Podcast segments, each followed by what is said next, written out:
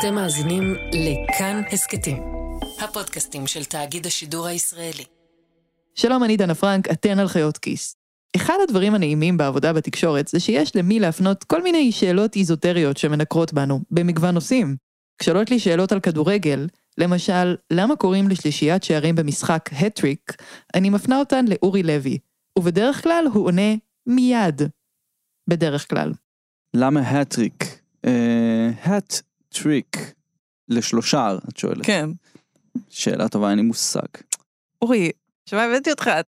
אורי הוא מגיש הפודקאסט שער, שעושה לכדורגל את מה שחיות כיס עושים לכלכלה. מדבר על זה בשפה של בני אדם, שנגישה אפילו אם אתם לא יודעים על זה כלום. אני ממליצה. חוץ מזה, יש לו אתר אינטרנט שנקרא בבאגול שבו הוא מסקר כדורגל מהמזרח התיכון, אפריקה, אמריקה הלטינית ואסיה, והוא אחד הבודדים בישראל שמסקר בעקביות את הכדורגל הפלסטיני. מעל הכל? אני חולה כדורגל. במקום להגיד אני אוהב ממש מה שאני עושה, אני, אני חולה כדורגל, כן. יש דבר אחד שאורי פשוט נולד לסקר. כל הידע, הניסיון והתשוקה שלו הובילו אותו ישר לנושא הזה. היסטוריה בספורט הישראלי בכלל ובבית"ר אה, ירושלים בפרט, איש העסקים האמירותי חמד בן חליפה רכש 50% מהבעלות על הקבוצה והתחייב להשקיע בה 300 מיליון שקלים בעשור הקרוב. מכירת 50% מהבעלות על קבוצת הכדורגל בית"ר ירושלים לשייח' חמד בן חליפה, אל נעיין, בסכום שנשמע דמיוני, 300 מיליון שקל. הייתי בהתרגשות שיא. תשמעי, לא נרדמתי בלילה לפני זה. אורי היה בדובאי בזמן ההכרזה על המכירה. הוא הסתובב וניסה להבין את מה שהרבה אנשים ניסו להבין באותו השבוע. למה שייח' מהאמירויות קנה את בית"ר ירושלים, הקבוצה הישראלית שאין בה שחקנים ערבים? אז השבוע בחיות כיס נעבור מהיציעים בטדי לתוך מונית בדובאי כדי להבין איך עסקה כל כך משונה התרחשה. נברר למה האמירותים רוצים לקנות את בית"ר. האם זאת עסקה טובה לבית"ריסטים? לאמירותים? ומה התשובות לשאלות האלו יכולות לגלות לנו על יחסי הסחר העתידיים שלנו עם איחוד האמירויות. יאללה בית"ר, אל המגרש, רוצים עוד גול.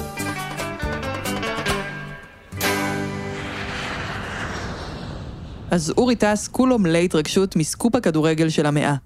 אבל בטיסה היו עוד מלא אנשים שהתרגשו ממשהו אחר לגמרי.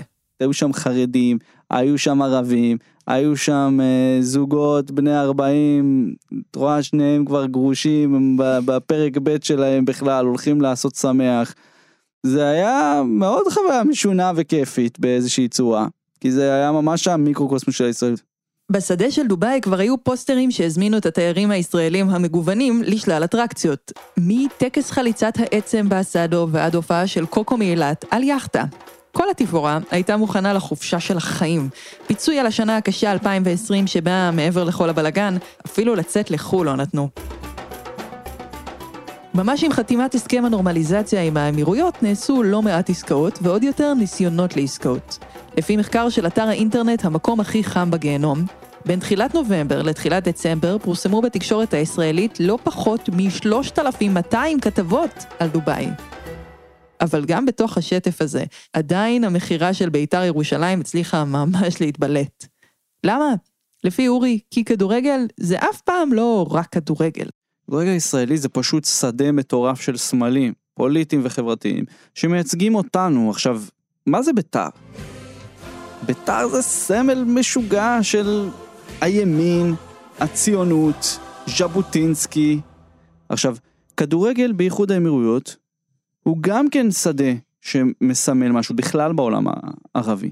זה לוח של רפרזנטציות, של זהויות, ובשביל אה, מדינות המפרץ הייתי אומר, זה סמל סטטוס. להיות בעלים של קבוצת כדורגל אומר שאתה בוס. אני ממש ממליצה להאזין לאחד משני הפרקים שאורי עשה בהסכת שלו, שער, על הכדורגל באמירויות ועל מעמדו.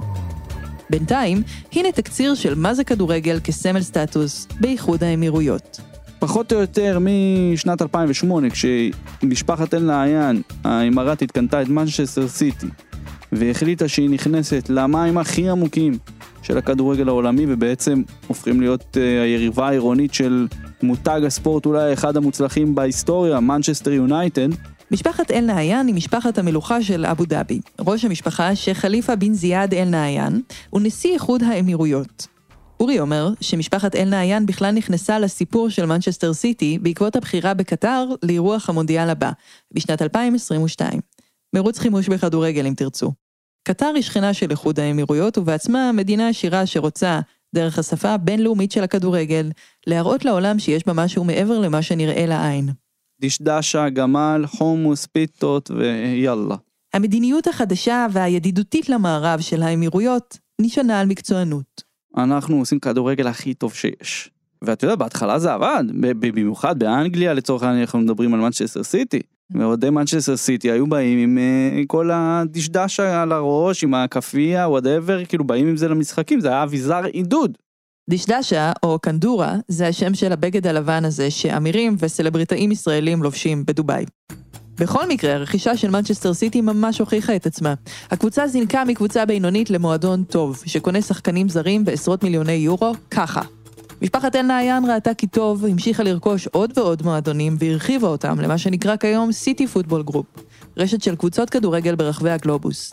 ויש לך קבוצות במלבורן, במונטווידאו, במומביי, במלא מדינות. קבוצות בג'ירונה שבספרד, ביוקוהומה שביפן, בעיר ניו יורק, בבלגיה, בצרפת ועוד ועוד. הקבוצות בסיטי פוטבול גרופ ממומנות בנדיבות. המשאבים הכספיים האדירים עוברים ישירות מהנפט באמירויות לרמת מקצוענות גבוהה מאוד בכדורגל העולמי. חוץ מזה, גם העובדה שיש להן רשת כל כך גדולה של קבוצות, פותחת מלא אפשרויות. אפשר למשל לגדל שחקנים באחד המועדונים בליגה ב' בספרד, וכשהם מתחילים להגיע למקצוענות, להעביר אותם לתקופה בדרום אמריקה, שיסתגלו למנטליות שם, ואז להנחית אותם ביפן או בארצות הברית כשחקנים שמשנים את התמונה. אורי אומר שעוד מוקדם להעריך את מלוא ההשפעה של ההשקעה האמירותית במנצ'סטר. השקעה בכדורגל, בין אם זה מועדון אחד או רשת אדירה כמו סיטי פוטבול גרופ, היא תהליך של דור לפחות. אבל האנשים של סיטי פוטבול גרופ הם לא האנשים שרכשו את בית"ר שלנו. סיטי פוטבול גרופ הם רק דוגמה לאיך נראה הכסף מהאמירויות ברמות הכי גבוהות של המשחק. מה שכן, בתוך האמירויות אין כדורגל ממש גדול, ברמה בינלאומית. זה העניין, בתוך האמירויות יש בעיה. לכל קבוצה כזאת יש שייח, וכל קבוצה כזאת היא צעצוע של שייח. איחוד האמירויות אירח את גביע אסיה האחרון בשנה שעברה. האמירותים הודחו בחצי הגמר. לפי אורי, חוסר ההצלחה היחסי של איחוד האמירויות נובע מזה שכסף זה לא הכל. לא בחיים, לא בכדורגל. השייחים האמירותים מתמקדים יותר בטיפוח הקבוצות שלהם כסמלי סטטוס מאשר כמועדוני כדורגל. לא רק האהבה הצרופה למשחק הכדורגל על כל המשמעויות התרבותיות והרגשיות שיש בו, הובילה דמויות בולטות מאיחוד האמירויות להיות שחקנים משמעותיים בכדורגל הבינלאומי. זה גם דחף אדיר לתקן את התדמית שלהם. באמירויות ובכלל במדינות המפרץ, מתייחסים זוועה לעובדים זרים. אוכלוסיית איחוד האמירויות הערביות מונה קצת פחות מעשרה מיליון בני אדם. מתוכם רק כמיליון וחצי הם אזרחי האיחוד. כל האחרים זרים, לא אזרחים. האזרחים הם קצת פחות מ-11.5% מהאוכלוסייה, ו-27% מהאוכלוסייה הודים. 12% מגיעים מפקיסטן. יש גם לא מעט פיליפינים, איראנים, מצרים וסינים.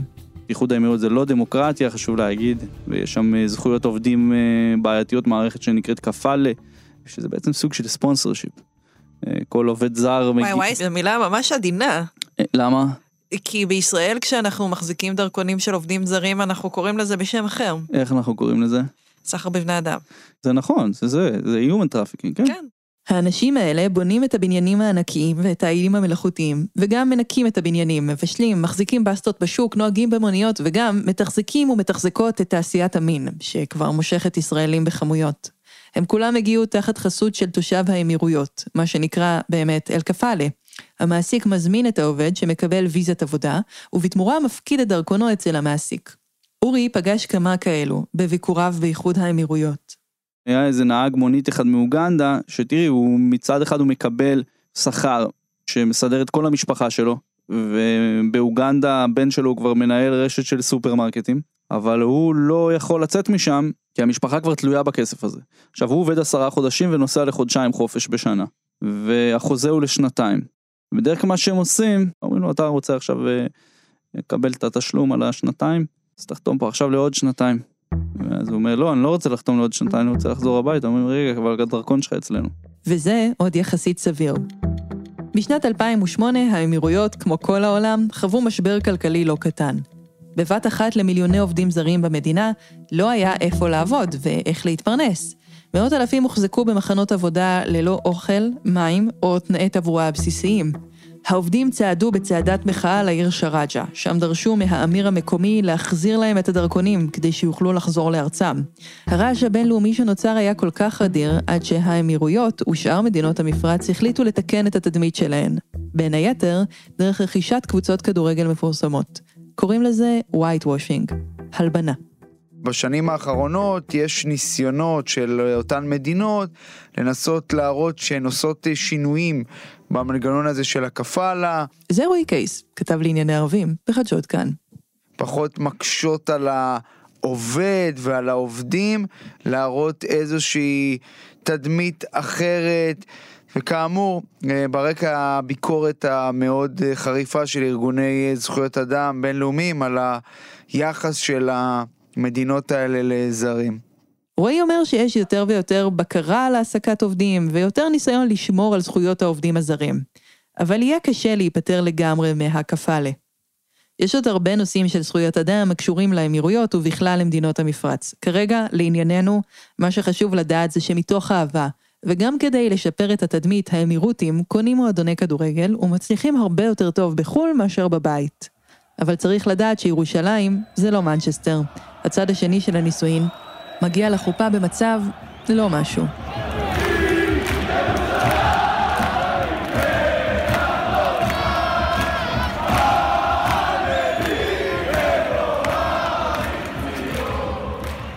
האמת היא, גדלתי כאוהד בית"ר ירושלים, ואז התחלתי להתעניין בקבוצה. זה אופיר סער, הוא כתב ספורט בוואלה, הוא כבר 18 שנה שהוא מסקר את הקבוצה שהוא אוהד כל חייו. ואני למעשה תל אביבי, אבל כשהייתי ילד, בדרום תל אביב יותר אוהדי בית"ר מאשר אוהדי מכבי תל אביב. כן, הייתה קבוצה של המדינה, אז בדיוק היו אלי השחקנים, אלי אוחנה, אורי מלמיליאן. אז דרום תל אביב היו אוהדים בית"ר ובני יהודה. ככה זה. היו פה ממש קרבות. אבל בשנים האחרונות בית"ר רחוקה מלהיות הקבוצה של המדינה. ברגע שאין את הכל הרעש מסביב, ומה שמחזיק את בית"ר זה רעש. בלאגן, קהל, צבע, יחסי ציבור. מקצועית, היא לא במשחק. בית"ר היום במקום 12 בטבלה בליגת העל הישראלית. אפשר להגיד שבשנים האחרונות, עד המכירה, הקבוצה עלתה לכותרות כמעט אך ורק בהקשרים שליליים. ההידרדרות התחילה בתחילת שנות האלפיים. הקבוצה החליפה ידיים כמה פעמים, ואז בשנת 2005 התגלגלה לאחד, אוליגרך. לא להאמין איזו דמות קאלט גיידמק היה בישראל, עם חיקוי בארץ נהדרת, שירים ומה לא, וכמה מהר הוא נשכח מהתודעה הציבורית. אבל לא מהתודעה של הבית"ריסטים. בביתר התחלפו הרבה בעלים. כולם רצו להביא תוצאות ומהר, להראות גביעים, ניצחונות. לגיידמק היו כיסים ממש עמוקים כדי לגבות את הרצון הזה. ארכדי הוכיח שאם יש כסף, ביתר ירושלים לוקחת פה את הליגה בהליכה. כשאופיר אומר כסף, הוא מתכוון להמון, המון כסף. לא שפך פי שלוש תקציב מאחרות. שאז היה במכבי תל אביב ומכבי חיפה 40, 45, הוא שם 140. אבל הכסף לא הלך למקום הנכון. תחשבו רגע על תקציב של עיר. הדילמה היא תמיד בין להשקיע בגני שעשועים, כלומר אלמנטים יפים ובולטים שיסמכו את התושבים באופן מיידי, לבין מדרכה חדשה, שמה לעשות, אי אפשר לחנוך בגזירת סרט חגיגית, אבל תשפר את החיים לאורך זמן. גיידמק בחר להשקיע הון בטווח הקצר והמיידי, בפיתוח ארגון האוהדים של בית"ר וברכש של שחקנים ישראלים וזרים בסכומים גבוהים מאוד. שמעון גרשון, שהיה השחקן המוביל של הפועל תל אביב, שילש את שכרו כשעבר לבית"ר. אבל מה שלכל אורך הדרך חסר לבית"ר, מה שבית"ר צריכה כדי להפוך להיות מועדון כדורגל טוב באמת, זה תשתיות. בית"ר מתאמנים בבית וגן, אבל המתקן לא בבעלותם, ואם זה נשמע לכם כמו פרט שולי, תחשבו שוב. הנה אורי לוי, שוב מסביר לי מושגי יסוד בכדורגל, הפעם, מה זה מתקן אימונים בבעלות הקבוצה? זה מאפשר הכל. אם יש לך מתקן אימונים שהוא שלך, אתה גם שם שם מטבח. שחקנים באים בשמונה בבוקר, אוכלים ביחד ארוחת בוקר, מנתחים את הוידאו עם המשחק של שבת, אחרי זה הולכים לסשן של יוגה אולי, או שיאצו, או לא יודע מה, אז באים, נותנים אימון, חבל על הזמן, נחים צהריים, אוכלים צהריים, הולכים לחדר כושר, ואז אימון הערב, זה יום עבודה. כן. זה מקצועיות. וכרגע זה בכדורגל הישראלי, שוב, למעט מכבי תל אביב ומכבי חיפה. אין מועדונים שמציעים את זה. היה משהו חשוב שקרה בביתר בשנים האלו. הלה פמיליה הוקמו עם הגעתו של גיידמק באיזושהי מטרה גם לשרת אותו. זאת מאיה זינשטיין, במאית דוקומנטרית. הסרט הראשון של מאיה, שזכה בפרס אמי, נקרא טהורה לעד. הוא עוסק בעונה האחרונה של גיידמק בביתר, 2013 עד 2014. הכל התחיל כשגיידמק החליט שהוא רוצה לחזק את הקשרים בינו לבין נשיא צ'צ'ניה, שאוהב מאוד כדורגל. לשם כך, גיידמק הטיס את ביתר למשחק ידידות בצ'צ'ניה. אירוע חריג, זה לא משהו שקורה בדרך כלל. גאידמק אומר את זה מדהים בסרט, הוא אומר, אה, שיחקנו את המשחק, הנשיא שאל אותי איזה תוצאה אני רוצה, 0-0, 1-1, 2-2. המשחק היה אחלה, והקשרים שנבנו בעקבותיו היו אחלה אף יותר. כל כך אחלה, עד שגאידמק החליט לייבא שני שחקנים צ'צ'נים לארץ, זאור סדייב וג'בריאל קדייב, רק ששני השחקנים היו מוסלמים. בדרך עמדו לה פמיליה, ארגון האוהדים שהוקם בעידודו ובברכתו של גיידמק, הארגון שבתקופתו קיבל מימון מהמועדון, והצטרף לטיסות של בית"ר לחו"ל, הארגון שמזוהה יותר מכולם עם הסיסמה בית"ר טהורה לעד. לפני הסיפור של הצ'צ'נים, על הפמיליה היו בסך הכל עוד כאילו ארגון אוהדים קיצוני שיש אותו בכל קבוצות הכדורגל שמכבדות עצמם. על הפמיליה לא המציאו את זה, זאת אומרת, בכל מועדון כדורגל משמעותי יהיה בו גם אולטרס. מאיה התגלגלה לסיפור הזה במקרה. התוכנית עובדה ביקשה ממנה לתעד את ההגעה של הצ'צ'נים לארץ, בתור במאית דוקו דוברת רוסית. כבר על ההתחלה היא הבינה שמדובר בסיפור ענק. תיעדנו שם אה, סצנה באמת בלתי נתפסת, שבה אוהדי לה פמיליה מגיעים באמת בהמוניהם לאימון הראשון של הצ'צ'נים, ויש שם קללות פסיכיות וגם ניסיון להתפרץ למגרש, וגם אלימות גם מילולית וגם פיזית, כולל אה, סצנות של ילדים קטנים בני אה, שבע עם אה, מסכות מקללים וצועקים שיש לנו עכשיו ערבים בביתר. אחרי שסיימה לעבוד על הכתבה, מאיה ביקשה מאיציק קורנפיין, יו"ר בית"ר ירושלים, להמשיך לתעד את כל העונה. קורנפיין הסכים, ואמר, תקשיבי, אני לא באמת חושב שיקרה פה משהו רציני. את יודעת, הם יבקיעו כמה גולים, האוהדים יירגעו, לא יהיה לך מה לצלם. זה לא מה שקרה. למעשה, בגול הראשון של אחד השחקנים המוסלמים, סדייב, כמה מאות אנשים מהקהל של בית"ר קמו ויצאו מאיצטדיון טדי. עם הכדור הזה לסדייב! לרשת!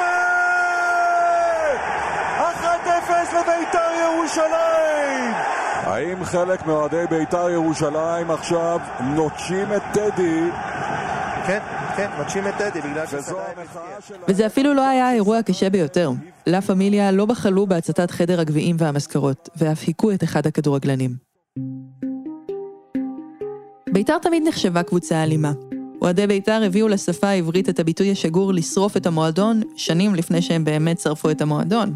אפילו הגשש החיוור כתבו על זה מערכון. אבל הסיפור עם השחקנים הצ'צ'נים טלטל את הקבוצה מבפנים, והביא אותה כמעט לסף פירוק. גיידמק חשב שהוא יגיע לכנסת דרך טדי, ושלה פמיליה יהיו בסיס אוהדים חזק שיצעק את שמו בשוק מחנה יהודה. בסוף, הם התנהגו קצת אחרת. גולם שקם על יוצרו. ברגע שהם הפנו את האנרגיות הבלתי נדלות שלהם אה, נגדו, אה, ובאמת מיררו את חייו אה, לקראת הסוף, ממש. והם יודעים לעשות את זה כשהם רוצים. הצ'צ'נים ברחו בסוף העונה. גיידמק עזב את הקבוצה, ובסוף גם עזב את המדינה. לה פמיליה נשארו. ממש לא כל אוהדי בית"ר הם גזענים. נתח מסוים מהאוהדים נגעל כל כך מהאלימות שהתפרצה כלפי הצ'צ'נים, עד שהחליט לפרוש מבית"ר, ולהקים קבוצת אוהדים בשם בית"ר נורדיה. אבל זה כבר היה מאוחר מדי. הסרט של מאיה הצליח מאוד, והשם בית"ר ירושלים נעשה מפורסם ברחבי העולם. גם העולם הערבי.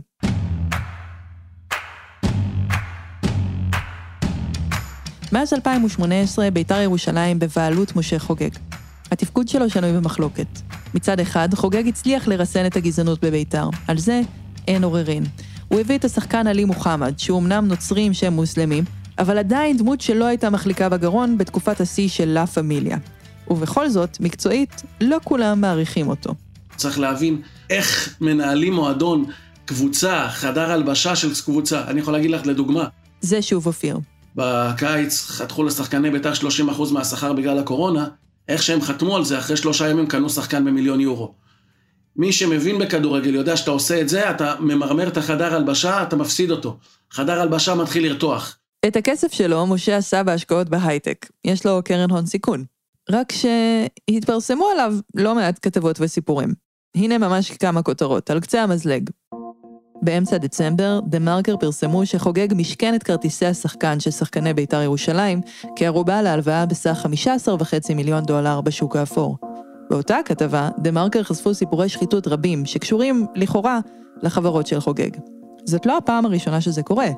ב-2018 המיליארדר שלמה רכניץ תבע את חוגג על תרמית לכאורה במכירת מניות חברת מובלי שהוא ייסד ועמד בראשה עד לסגירתה. בינואר 2019 משקיע סיני הגיש תביעה נגד חוגג על סך 17 מיליון שקלים.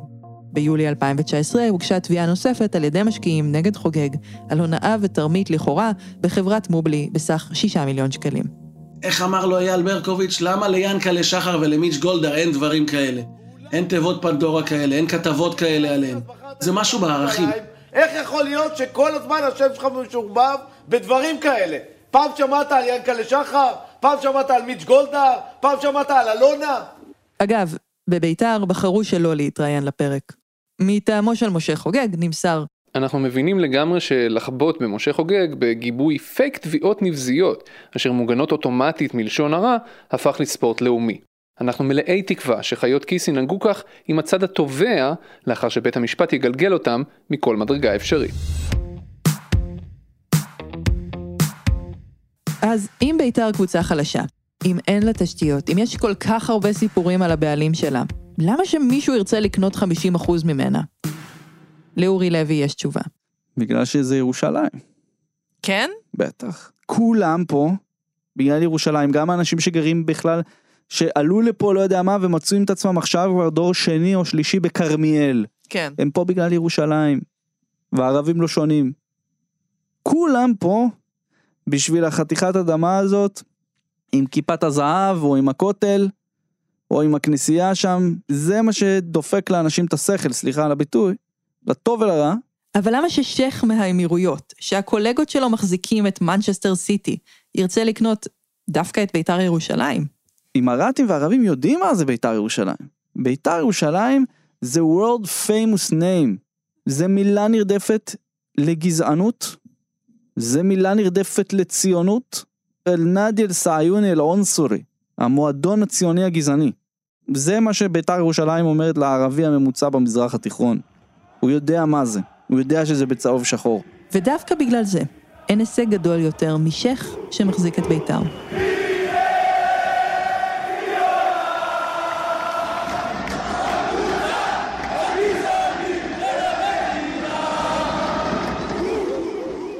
עם כל המטענים הללו, מצד החתן ומצד הכלה, הגענו ליום ההכרזה על המכירה. כל המכירה הזאת הייתה מוזרה. זה שוב אופיר סער מוואלה. אני יכול להגיד לך, לפני שלושה שבועות, משה חוגג טס ל... לדובאי. יומיים אחרי זה, הוא הוציא הודעה שהוא סגר עם חברת תיווך. יום למחרת הוא חזר לארץ ואמר להנהלת בית"ר, טסים שבוע הבא לחתום. אנחנו מדברים פה על 72 שעות, זה היה משהו מטורף. סביר להניח שאם את, את תרצי למכור לי את האוטו שלך, זה לא ייקח לנו 72 שעות. קודם כל, ברור שהכל קרה ממש מהר, אבל זאת לא רק המהירות. אורי לוי, כבר אמרנו, הגיע לדובאי במיוחד כדי להיות נוכח במעמד ההודעה על מכירת בית"ר. אז מיד כשיצא משדה התעופה התחיל לדבר עם נהג המונית שלקח אותו. אני אומר לו, תשמע, וזה, מה אתה חושב על, ה... על העסקה? יש, יש מחר מסיבת עיתונאים ממש חשובה. הוא אומר לי, על איזה עסקה אתה מדבר? אמרתי לו, לא, יש שייח אימראטי, קונה את בית"ר ירושלים. הוא מסתובב, מסתכל, אומר לי, מה? אתה תשתוק. אמרתי לו, לא, אני רציני לגמרי. זה הסיפור הכי גדול עכשיו בחדשות בישראל. הוא אומר לי, לא קראתי, אין על זה פה מילה. שלחתי לחבר, לקולגה משם וואטסאפ, הוא אומר לי, וואלה, לא, לא פרסמו על זה, זה קורה כאילו? לא פרסמו על זה פה כלום. אף אחד לא דיבר איתי. לאט לאט אורי הבין שאף אחד מהאנשים סביבו לא מתרגש כמוהו. והדובדבן שבקצפת? זה היה בזום בסוף. הגעתי עד דובאי וזה, המסיבת עיתונאים בזום. אין אף מילה, שום פרסום, לגבי המכירה בכלי התקשורת המקומיים. למסיבת העיתונאים לא הוזמן אף עיתונאי אמירותי. ובניגוד לכתבות קודמות של אורי מהאמירויות, אף אחד לא הסכים להתראיין לכתבות שלו על המכירה. אף אחד. ומיד אחרי מסיבת העיתונאים, אורי מתחיל לקרוא בטוויטר כל מיני דיווחים היסטוריים לגבי הזהות של הבעלים החדש של בית"ר, שחמד בן חליפה אל-נהיין. שום דבר באינטרנט. כלום. כאילו, יש לו איזה דף ויקיפדיה שרואים שהמציאו אותו לפני חודש, כן. חודשיים. כאילו, בשביל זה. הציוצים שאורי קרא בטוויטר שלחו אותו למסע בירורים בין המקורות האמירותיים שלו. הוא גילה שלשייח היה שם אחר, עדל אל עוטייבה, והוא החליף השם אל נהיין לפני שנה. אל נהיין הוא השם של משפחת המלוכה של אבו דאבי. למה אל עוטייבה החליף את השם? אנחנו לא באמת יודעים. אבל כמו שכבר אמרנו, האמירויות הן לא דמוקרטיה, ואי אפשר לעשות תעלולים כאלו שלא על דעתה של משפחת המלוכה. אז איך זה קרה? צריך להבין, משפחת אל-נעיין לא כולל נעיין, הוא נסיך. זה אלפי אנשים, זה שבט ענק, זה בדואים. אז כאילו, בסופו של דבר, יכולים להיות כאלה שהם או כבשים שחורות, או לא מוצלחים, או שלא סומכים עליהם. יכול מאוד להיות שהוא מאוד רוצה להשתלב בחלונות הגבוהים של המשפחה הזאת. והוא בא אליהם עם הרעיון המטורף הזה. מוחמד בן זייד, שליט איחוד האמירויות, לא הגיע לחתימת הסכם השלום. כי הוא לא יודע עדיין מה יצא מהסכם השלום, וכי עדיין מטוסי ה-F-35 לא חנו בחנייה שלו, נכון? נכון. אז הוא לא הסתכן בללכלך את עצמו בתור זה שהיה שם.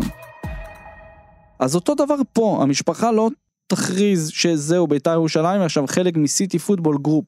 ייתנו לו לשחק עם זה, יצליח עוד שנתיים, שלוש, יראו שכל שנה יש זה, צמיחה, גדילה, עניינים, תוצאות, אוקיי, אנחנו יכולים להכניס את זה. אנחנו יכולים להגיד שזה שלנו. שינינו את הקהל בבית"ר ירושלים, תחשבי, זה הישג זה. אבל זאת האפשרות הטובה יותר. יש עוד כמה שמות שמעורבבים בסיפור, ואף אחד מהם לא ממש עושה חשק להיכנס לשותפות. ממש עם החתימה על הסכם הנורמליזציה עלה שם אחר בהקשר של רכישת בית"ר, סולימאן פהים. מי זה סולימאן פהים? הוא היה האמירתי הראשון שהופיע ב-BBC ואמר שמשפחת אל-נהיאן קנו את מנצ'סטר סיטי. מאז הוא הלך ועשה עוד כל מיני דברים אה, פישיים יותר ופחות בעולם הכדורגל.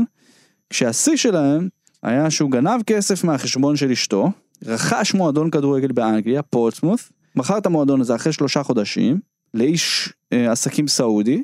פורטסמות' מאז הידרדרה, החליפה עוד כמה ידיים, פשטה את הרגל, אחרי שהתקשורת הישראלית התחילה לפרסם כתבות על סולימאן פהים, שמו נעלם מהעסקה. יש עוד כמה דמויות מעניינות בסיפור. אחד מהם הוא איש עסקים אמירותי ממוצא הודי, המיליארדר בלווינדר רז סהני. ומעל הכל, אורי אומר שבמונחים של כדורגל, ועוד יותר במונחים של כדורגל באמירויות, זה לא באמת הרבה כסף. נלך על פי ההודעה של ביתר, השקעה לעשר שנים, 300 מיליון שקל, שבתוך זה אנחנו כוללים את החזר ההשקעה של אדון אה, מושיקו חוגג, הבעלים הנוכחי של ביתר, פחות או יותר 100 מיליון שקל, אז אנחנו מדברים על 200 מיליון שקל לעשר שנים, אז 20 מיליון שקל לשנה, זה חמישה מיליון, חמישה וחצי מיליון דולר לשנה, פחות או יותר. איפה זה בהשוואה לתקציב של בית"ר בימים רגילים? זה לא life changing event. לא. אבל זה כן מאפשר אורך נשימה ואיזשהו סדר על פניו, אם זה באמת יקרה. בעונה של 2017-2018, בית"ר שיחקה על תקציב של 37 מיליון שקלים. מכבי תל אביב הייתה קצת מעל 100 מיליון.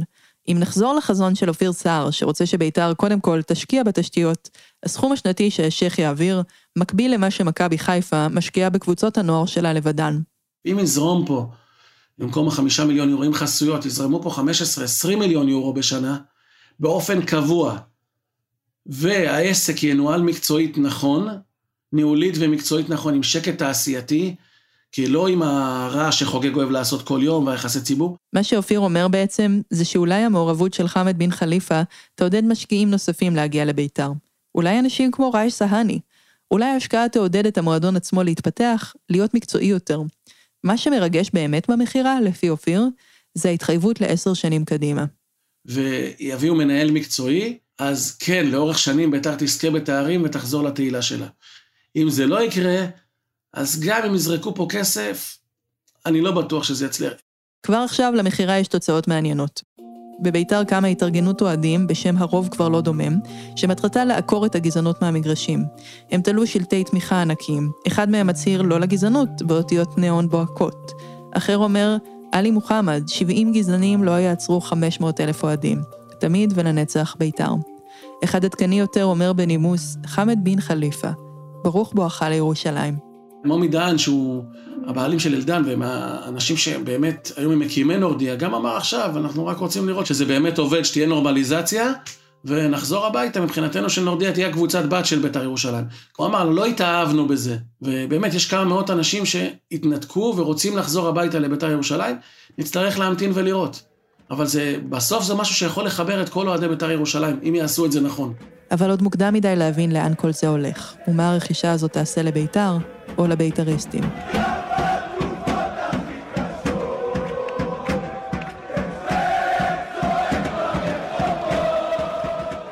כמובן, לא דיברנו על הסיפור הגדול יותר שמסתתר מאחורי כל זה. אנחנו רואים באמת פתיחות שאנחנו לא בכלל יכולים לחלום עליה במדינות אחרות. זה שוב רועי קייס, כתב לענייני ערבים של חדשות כאן. בשווקים באיחוד האמירויות כיום, יש סחורות ישראליות, פירות, מרים, בסופר, עם דגל כחול לבן. אני לא מדמיין לעצמי סיטואציה דומה בקהיר.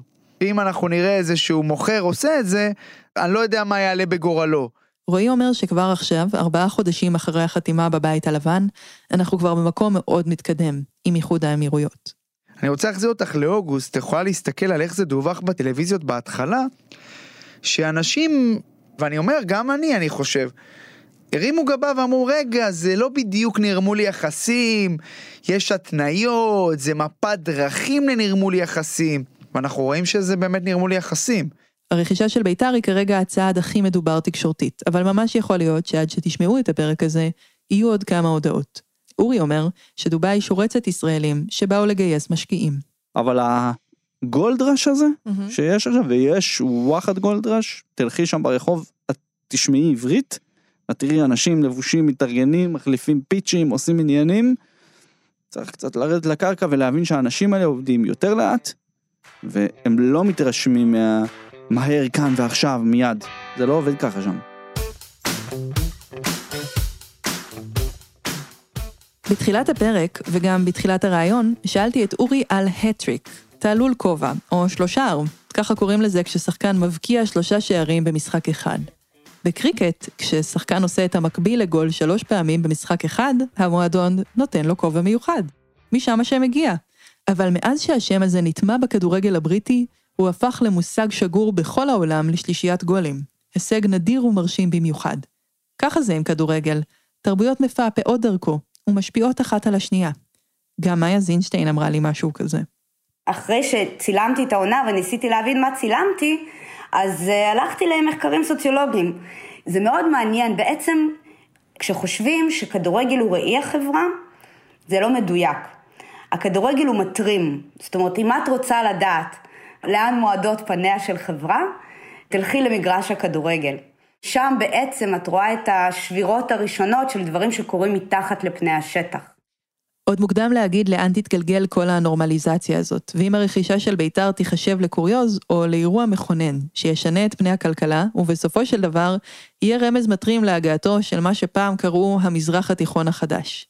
אולי כל הכסף שבעולם לא יצליח לשנות את האופי של בית"ר, ושלנו. כי בסוף, זה כדורגל. כדורגל לא סתם הוא הספורט הכי פופולרי בעולם. יש איזשהו משהו שכסף לא יכול לקנות פה. ספציפית תרבות של מועדון, שזה משהו שמאוד קשור לזהות מקומית, קשה מאוד לקנות בכסף. מה גם שכימיה בין 11 אנשים על הדשא, לא משנה אם זה יעלה לך מיליארד דולר, אם הם לא חברים טובים, הם לא ייהנו לשחק ביחד את המשחק היפה, זה לא יהיה יפה, וזה לא יעבוד.